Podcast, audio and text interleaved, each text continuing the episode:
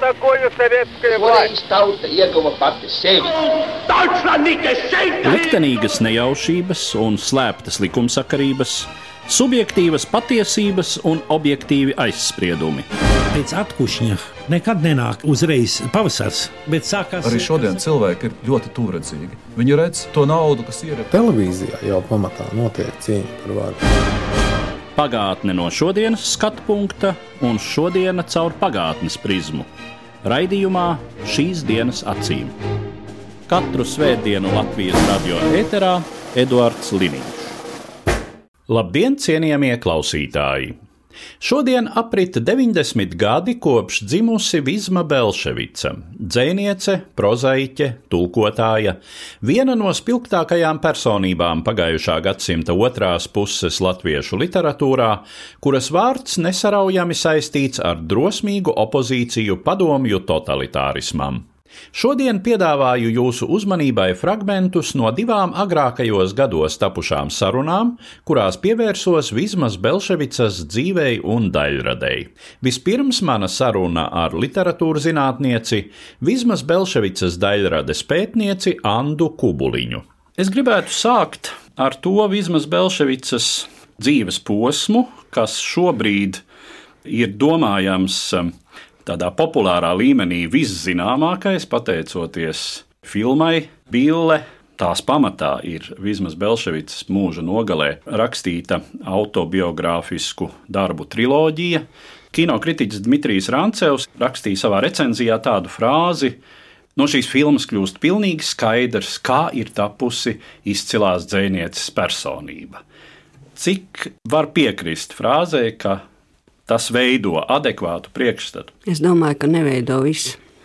Tai romānā viņa jau parāda visvairāk māti, bet uh, viņas sirds un viņas ētiskais uzstādījums, un es gribu teikt, arī sašķeltā pasaules uztvere ir saistīta arī ar to, ka tēvs bija pavisam citāds.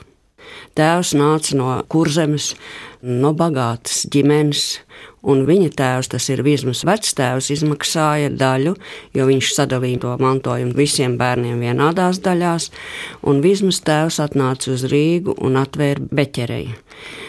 Krīzes laikā beķerei bankrotēja, Un viņš nāk no laukiem, viņš nebija piemērots pilsētas dzīvei. Es domāju, tas arī ir viens no iemesliem.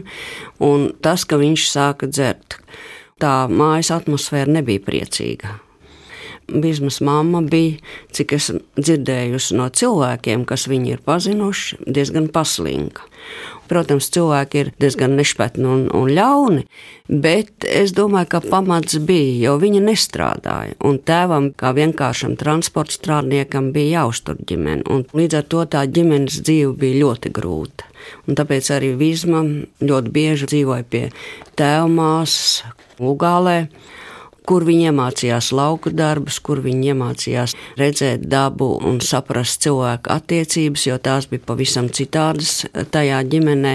Un es domāju, ka šīs tēva ieliktais siltums, jo viņš saprata viņu, un tā mamma nesaprata. Es saprotu, ka mamma bija arī diezgan nervozs cilvēks.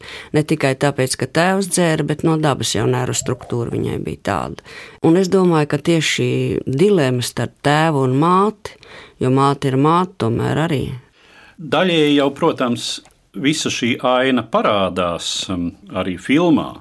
Gan par tēva alkoholismu, gan par to, ka viņš ir tajā pašā laikā ļoti sirsnīgs un ļoti mīlošs tēvs. Arī Arthurs Krastīņš ļoti talantīgi veido tādu simpātisku cilvēka veidolu. No otras puses, kas arī filmā parādās, ka tomēr, lai cik sociāli problemātiska ir šī ģimene, tad tomēr ir tiecība pēc izglītības. Jā. Pēc personības veidošanās nu, meitenei tiek atrasta klavieru skolotāja. Arī skola dod zināmu ievirzi. Un tas, ka zināt, kā arī nu, tas, ka viņa jau pirms skolas izlasīja visu bērnu biblioteku Grīziņkalnā, un pēc tam gāja pati uz lielo biblioteku, lai lasītu. Un to starp citu ļoti labi parāda arī viņas studiju gadi, kad viņa pasniedzējiem spēja iebilst, jo viņai bija jāstāsta nu, ārzemju literatūra par gēti. Un Faustu. Vizma, kas rāda, ka viņi ir lasījuši to grāmatu, kas iznāca Latvijas laikā, kur ir daudz sievats, kad eh, Faustā cīnās divas dvēseles. Un tas Mefistofels jau ir viņa otrā dvēsele. Viņa tiešām ļoti daudz lasīja. Viņa burtiski rietās grāmatas. Ja mēs lūkojamies uz uh, tiem jaunajiem cilvēkiem, kas ir dzimuši 30. gadu pašā sākumā vai 20. gadu beigās, kuri tad savukārt ap 40. gadu beigām ienāk latviešu literatūrā.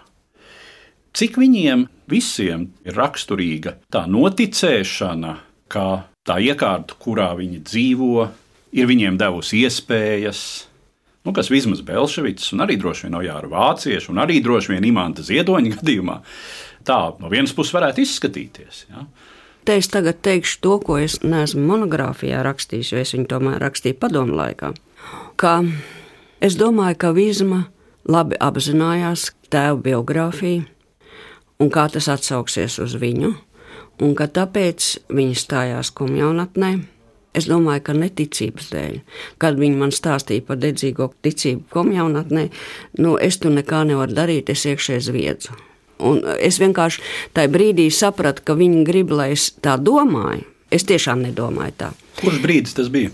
Nu, es gāju pie viņas 70. gada otrā pusē, 80. gados, vākdam materiālus monogrāfijai. Un tad viņi man to teica. Nu, ir grūti savus kļūdas atzīt, ļoti grūti ir. Un es domāju, ka arī Vizmai bija grūti atzīt to, ka viņai vajadzēja. Viņa bija vienkārši spiesta. Viņa nedrīkstēja citādāk darīt. Un tieši tāpēc, tad, kad iznāca pirmais krājums, no kura viņa ir oficiāli nav atteikusies, bet nav ielikta rakstos, Kaut es domāju, ka tā nevajadzēja darīt. Es domāju, ka vajadzēja likt arī to, lai parādītu nākošām paudzēm, kāds bija tas laiks, un no kurienes viņi izauga par to, kas viņi bija. Jo viņas ceļš līdz nonkonformismam, viņa ir vienīgā, kurai ir nonkonformisma šķautne daļradē. Vienīgā.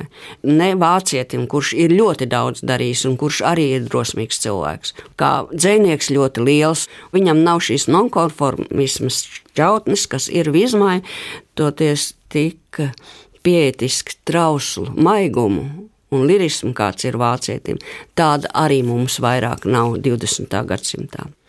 Par Ojāru Vācieti droši vien, droši vien viņš eh, ilūzijās bija Daudz ilgāku laiku. Jā, dziļāk, ilgāku laiku. Jā. Un jāsaka, no šī viedokļa daudz aizlaustāka personība, es mhm. teiktu. Mm -hmm. Jā, bet Vizmai jau laimējās tas, ka viņa 53. gadā iestājās Maskavas institūtā, un šī Maskavas vide viņai deva ļoti daudz. Pirms tam viņa gan vienu no šīs Maskavas vides pazina, jo viņa bija dubultu daļradsnamā, un tur bija arī Šklauskas un Paustovskas. Un viņa iepazinās ar Šklausku, kas bija viņas lektors tajā augstskolā. Un es ilgi nevarēju saprast, no kurienes zemes siltumā telpas sakārtojums, jo tas nebija tajām laikam parasts, kā viņi ir sakārtojuši savu zemes siltumu telpu. Un tad es tiešām ļoti ilgi domāju, un tad es atcerējos, ka viņai viens no lektoriem ir Šklauskas.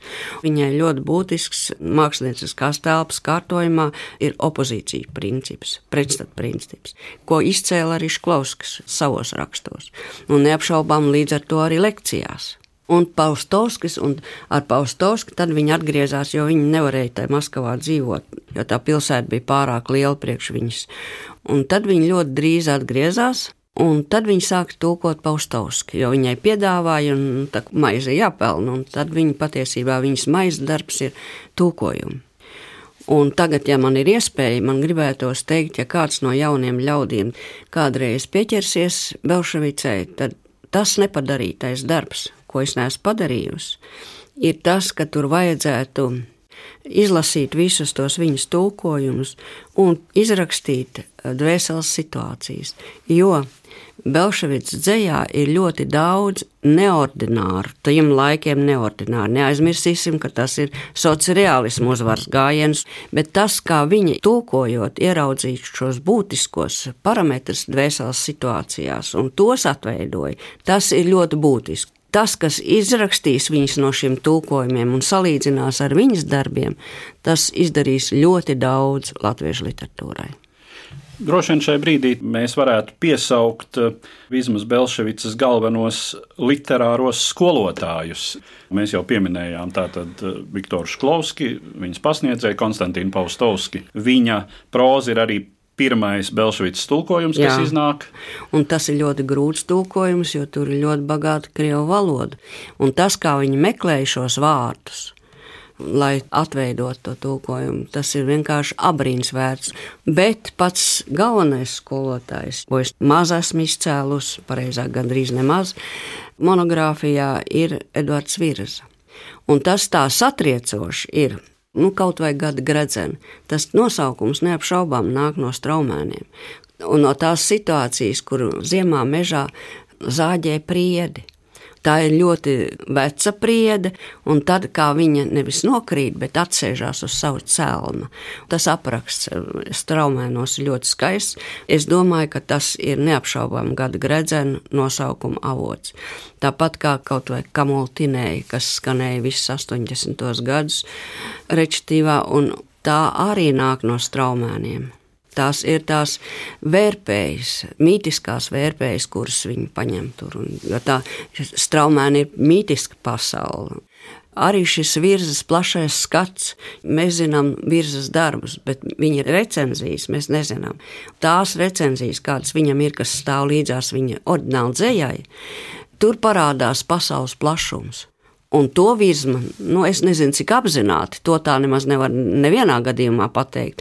Bet es domāju, ka šis pasaules plašuma skats tur bija antīkā, tur bija visādi literatūra. Un viņa, viņa šīs recenzijas lasīja presē. Savā bērnībā, kad cilvēks uzsūc ļoti daudz, neapzināti. Institūtā viņa gāja pie Lidina prozas seminārā, nevis dzējas. To viņa ļoti tā arī atzina, ka viņa negāja apzināti pie Svetlova, jo krievu dzēja ir ļoti laba un interesanta, bet tā ir cita mentalitāte. Un dzēja rakstīt viņa prata, bet próza neprata, tāpēc viņa gāja pie Lidina. Bet tas viņas groteskais skats tajā laikā, kad iznāca ķikuraga stāsts, tādu tēlu vispār mūsu literatūrā nebija, padomi literatūrā. Tad nelaime mājā tāpat, kā viņi ķikuraga stāstos. Viņi nerunā, viņi nekritizē esamību, bet tā ar tādām mazām, sīkām detaļām parāda, kas notiek. Un tad, kad tu visu to grāmatu izlasīsi, tā noliec un pārdomā tās detaļas ļoti kolorītu ainu, es teiktu, par padomu esamību atklāja. Tas liecina par viņas arī tādu prasmi novērtēt kādā situācijā viņi ir. Jo es domāju, ka viens no negantākajām nirdzībām ir eh, tas partijas sekretārs Zēģele. Bet kā viņi to panāk? Viņš ir tik bezgala labs, tik bezgala labs, tik saprotošs. Un kad tu beigās sāc domāt, pag, pag, pag, kā viņš to zina? Kā viņš zina par tiem tēliem, kuri nav viņam neko stāstījuši, bet viņš zina. Čikurāks stāst man dažā ziņā pat patīk labāk par nelaimi mājā, kaut tur ir trakā Paulīna un vēl citi ļoti labi stāsti. Bet man patīk tas, kā tajos čikurāks stāstos, cik smalka viņa ienes to jauno, grotesko ironisko momentu mūsu literatūrā un atjaunina arī īsā stāsta vietu un novelas vietu, jo tobrīd jau uzvaras gājiens bija lielajai prozai. Ja mēs domājam par to brīdi, kad Vizma Belševica nonāk tādā jūtamākā opozīcijā pastāvošai iekārtai, un tā ir 60. gada otrā puse, nu, izteikti 1968. gads, kad iznāk dzējoļu krājums gadu gradzeni ar laikam gan zināmāko Vizmas Belševicas uh, dzējas darbu, poēmu Indriķa latviešu piezīmes uz Livonijas kronikas malām publicēts krājumā, bet pēc tam tajā saskata labā, pareizā zaimošanu. Un, uh, To pauž ne tikai kādi partijas funkcionāri vai literatūras uzraugi, bet arī kolēģi. Bet arī kolēģi jā. Patiesībā tas ir daudz ātrāk. Tas sākās ar 60. gadu, kad viņa, es vēlreiz saku, viņas dzīvē ļoti liela nozīme ir tieši Maskavai, kur viņa iepazīstās ar Gunāru Piesi, kur viņa iepazīstās no nu, ar visiem tiem tā laika citu tautu dzēniekiem, kas tur mācās. Un tad, kad atgriežas, tad Piesis uzņem televīzijas filmu Salatskrīva un aicina Vizmu rakstīt tekstus tajā filmā, jo tā ir filma par uh, salacgrības zvejniekiem. No turienes viņai tā atgriešanās pie novelas, jo tur viņi atgriežas pie vienkāršā latviešu cilvēka. Ierauga visu to, kā cilvēks mutuļo un ka, cik viņi ir godprātīgi un kādas visādas trakulības savās emocionālās izpausmēs viņi spēja dabūt gatavu. Tas atgriež viņu latviešu dzīvēm.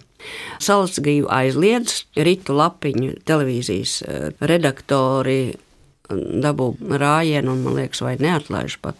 Es neatceros vairs tik labi. Pēc šīs filmas par Salsgrīvu piesi noliek uz dokumentālo kino Un Piesis taisa kino zemes atmiņu dokumentālu filmu, kura ir ļoti laba. Man liekas, ka to vajadzētu izvilkt un vēl joprojām parādīt. Tas parāda to izpostīto pēckara Latviju, kurai aizaugušas kapsētas, kur viņu uz reizeknas kapsētu ved vienīgais dzīvi palikušais ebrejs, kapsēts ir aizauguši, Latvija ir sabrukusi un netīra un izpostīta. Viņa raksta tekstus, diktoru tekstu, un tieši tajā tekstā ir ļoti daudz jaunu atklājumu. Un starp citu, tieši tajā zemes atmiņā viņa nonāk pie tam, jo laba literatūra pārstāv trīs stilus. Pārstāv sakrālo stilu, sekulāro stilu un sarunu valodu. Un vizma tajā zemes atmiņā pirmoreiz apjēdz un atgriež sakrālo un līdz ar to paplašina to tēlu dimensiju, un viņi iegūst organisku veidojumu. Viņa nav vairs melnbalta, ja? jo opozīcija jau rada arī zināmu melnbaltumu, bet lūk, šī sakrālās dimensija panāk to organiskumu. Un tas, ka vienmēr saka, ka vizmas tēli ir ļoti organiski, to vajag izsekot, viņi neuzreiz ir organiski. Bet lūk, šai 60. gadu vidū Viņa nonāk līdz tam organiskam tēlam. Ne tikai tāpēc, ka viņa raksta par dabu un izceļ mazo, bet taisni caur to, ka tur ir tieši sakrālā leksika, kura piešķir tēlam jaunu dimensiju. Gadu gredzenu un Indriča latviešu gadījums, darbs, kuru cenzūra neaiztur, izlaiž cauri. Acīm redzot, sākumā nenorēģējot. Ne, tur ļoti, ļoti interesanti ir. Visma bija ļoti gudra kā tikt galā ar šiem jautājumiem.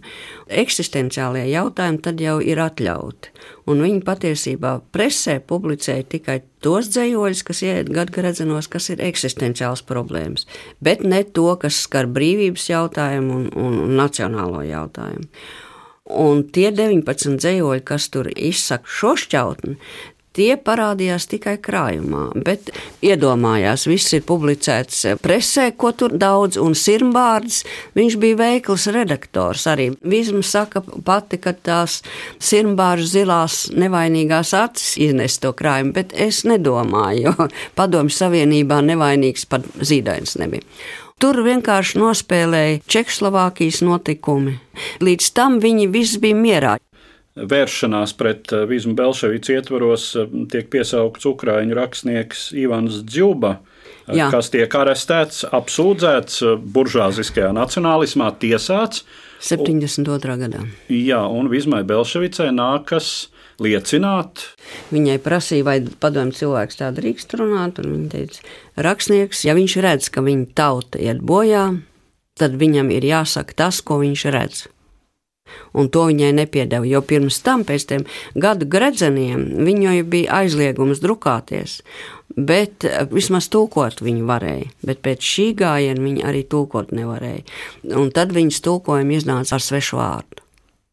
Jā, viņa ļoti daudz ko iznesusi ar savu nonkonformismu. Latviešu padomju literatūrā viņa ir šai ziņā vienīgā. No virzas aiztapinātais skarbums Un virzam ir skarbs stils, viņam ir karavīgs stils. Viņa to pārvērt kā sieviete taisnības teicējas stājā. Visā latviešu literatūrā no šī viedokļa viņa ir vienīgā. Izkārtojot chronoloģiski un notikumu sižetā, pēc gadu gredzeniem, kas kļūst par piedaudzības akmeni, un kļūst sabiedrības vislasītāko grāmatu. To es saku ar pilnu atbildību, jo cilvēki, kas vispār literatūru nelasīja un dzēju, zinādam, ka es esmu literāts, pieprasīja, lai es iedodu izlasīt gada gredzenus. Tie bija vīrieši, ne sievietes. Un vīrieši, kā zināms, ar dzīs lasīšanu daudz nenodarbojās. Vismaz statistiski vidēji. Jā, tā tad pēc tam ir. Madarās, kas tiešām ir ļoti dziļa grāmata. Ja gada gredzeni ir vairāk uz sociālām parādībām orientēta un rezonē visā sabiedrībā, tad Madarās patiesībā ir grāmata, kas rezonē cilvēkam, jo tur ir ļoti daudz cilvēku. Dvēseles, mūža lietas, kuras katrs pārdzīvo, tikai nosaukt nemāca.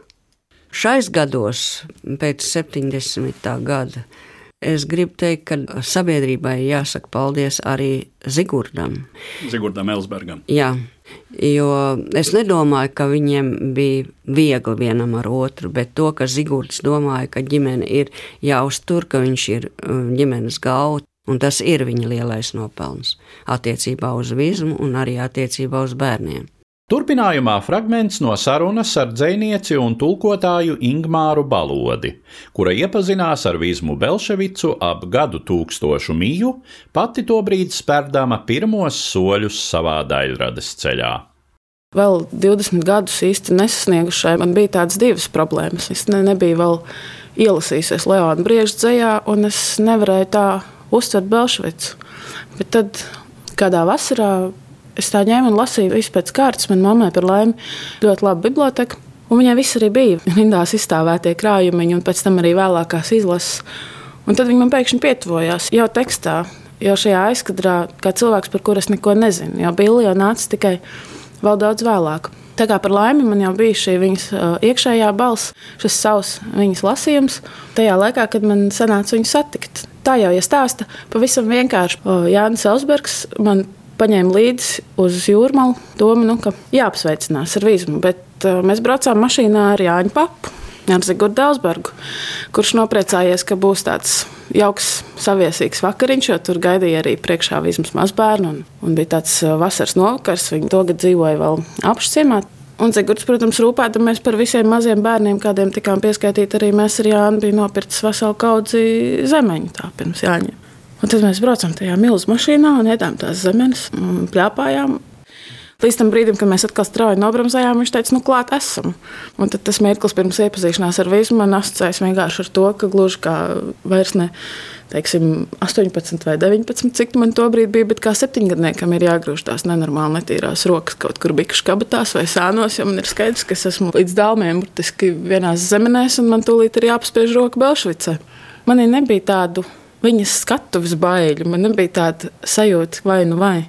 Man vienkārši interesēja, vai ir šī saruna iespējama, un saruna izrādījās iespējama. Un jau nākamajā dienā man tiešām stāstīja par to Mārsilu. Man tik ļoti patika tie mirkļi, kad dzējolis ienāk sarunā pilnīgi netīšām. Jo viņa laikam domāja, ka es esmu tāds skuķis, ka nu nevaru būt lasījusi būtībā neko, par ko arī vēlāk mūsu sarunas daudz virzījās par to, ko vispār nozīmē lasīt. Un un ko manā pieticīgajā pieredzē varētu ieskaitīt par izlasīt. Un tad viņi to dzējoli par uh, Mārciņu man gluži vienkārši stāstīja, ejot pa mežu, ka tiešām tas ir koks, nevis kaut kāda puķīta. Šķiet, ka man Madarās bija pirmais krājums, ko es tā ņēmu no plaukta un kam es ķēros klāt. Protams, arī uzreiz pēc tam lasīju Indriču un mēģināju to visu tvert tā vienlaicīgi, taču, kā jau teicu, tajā vecumā man jau bija arī tā vecuma galvenais jautājums, teiksim, 16, 17 gadnieku galvenais jautājums. Vai cilvēks var saprast kaut ko par mīlestību, vai par to var pateikt kaut vienu patiesu vārdu. Un tad es atradu šos vārdus uzrakstīt, sapratu, ka, protams, jā, var pateikt. Tu kaut ko mācījies no viņas kā dzēniece? Vai noteikti tā jau būtu īpatni pēkšņi domāt, ka ir iespējams nemācīties. Man vispār interesē mācīšanās process. Man interesē mācīšanās process caur tekstu, dzinieku nezinot. Caur cilvēku vien, pat ja viņi nebūtu dzinieci, taču būtu tik ārkārtīgi daudz ko mācīties. Es saprotu, ka šāds dalījums var skanēt pavisam absurdi, jo ik viena lasītāja acīs taču ir skaidrs, ka Belšvits nevar nebūt dzinieks. Taču es ārkārtīgi daudz no viņas mācījos arī šajā ārpusplānā. Un es domāju, ka tas ir atstājis pēdas gan manā lasītājas pieredzē, turpmāk attiecībā uz visu citu, uz prózu. Sākot no viņas tulkotā Hemingveja līdz jebkuram teikumam, ko tulkojas pat. Tās prasības, kuras viņi varēja izmest eh, kādā ikdienas sarunā, vai tās paziņojums par to, ka viņi par Hemingveju zināt negrib vairs neko. Jo pēc visas tulkošanas pieredzes viņa tāpat jau zina par viņu pārāk daudz, un šis vīrietis viņas acīs, diemžēl, ir zudis un samaitāts. Man bija ļoti žēl, jo man viņš jau nebija ne zudis, ne samaitāts. Man taču bija pēc tāds uh, Hemingveja lasīšanas otrais vilnis. Nu, ja pirmo jau lasu tādā agrīnā pusauģa vecumā, tad pēc tam ir jālasa vēlreiz tā ap 20. Mācīšanās no poetikas ir viena lieta, tur mēs daudz strīdājāmies ar citiem manas paudzes ļaudīm, kas arī sāk darboties ar vārdu. Es atceros, ka mēs ar Kārlu Vērdiņu diskutējām. Viņš teica, ka viņš jūt cauri intelektu filtru šo vārdu meklēšanu, Milāna Bohenzelīna vārnīcu. Bet tas, ko es sapratu, iespējams, tieši tādēļ, ka es viņu pazinu, bija tas, cik ļoti personisku un lielu tādu dvēseles daļu viņi ielika jebkurā encyklopēdijā atrastajā tēlā vai tajā, kā violnieks vai čelis spēlē šī cilvēka lielums, ko viņi redzēja stāvē, gluži otrādi cilvēka mazums, viņš bija kaut kāds ļoti nepastarpināts patiesībā. Es tur nejūtu nekā izdomāt un nejūtu joprojām, jo viņi tajā brīdī it kā pārlaist tajā, par ko viņi raksta. Un arī, ja kaut kur rakstos, ir pieminēti šie mūža ļaudis. Tā sakņa, un viss viņi taču ir klāti katram tam cilvēkam. Un man tas pilnīgi nešķiet konstrukts. Tas ir konstrukts tādēļ, ka par to vajadzēja runāt, un to vajadzēja ielikt šādi tajā sociāli vēsturiskajā griezumā. Taču tā nekādā gadījumā nebūtu īsta dzēja, ja viņā būtu šī sadomātība un šis obligātums. Un tā kā es pamanīju, ka ir iespējams tā uzrakstīt. Būt tur klāt gadsimtus atpakaļ, un reizē šeit, un runāt ar savu laiku cilvēkiem. Nu, tas mērogs, protams, ir diezgan grūti, ir prāta aptverams un, un vēl grūtāk atkārtojams, bet tā pati apziņa, ka tas ir iespējams, dot tādu drosmi. Man, ap citu, daudz ir jautājuši, vai man pašai nebija bail rakstīt pēc tam. Un, Taču es atceros to sajūtu, kad Vizmē rokās nonāca žurnāls Luna, kur bija viena no manām pirmajām publikācijām.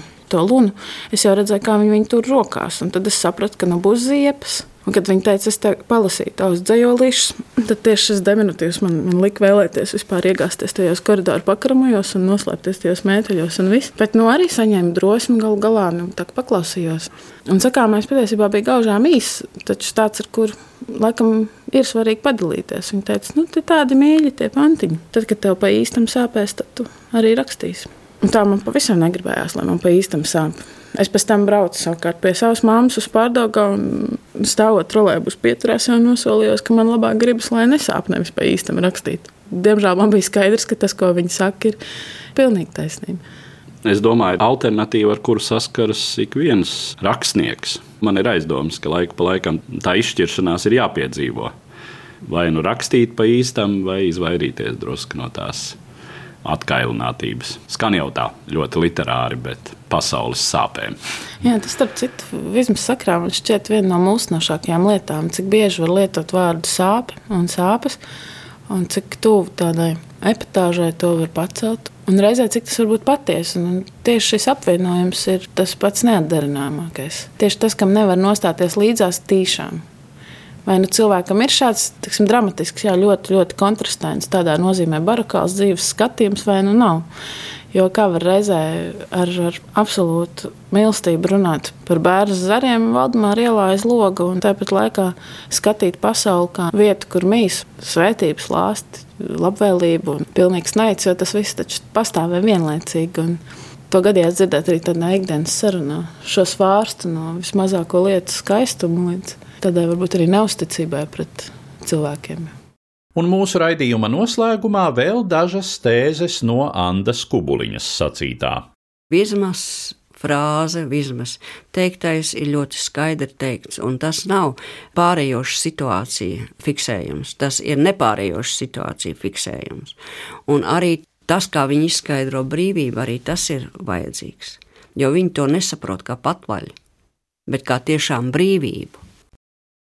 Līdz ar to izskan mūsu raidījums, kas bija veltīts Vizmai Belševicai, izcilai personībai pagājušā gadsimta latviešu literatūrā, kopš kuras dzimšanas šodien aprit 90. gadsimta.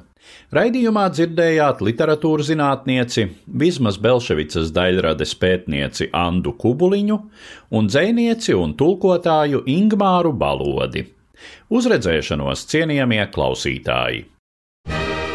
Katru svētdienu Latvijas radio viens par pagātni sarunājas Eduards Liniņš.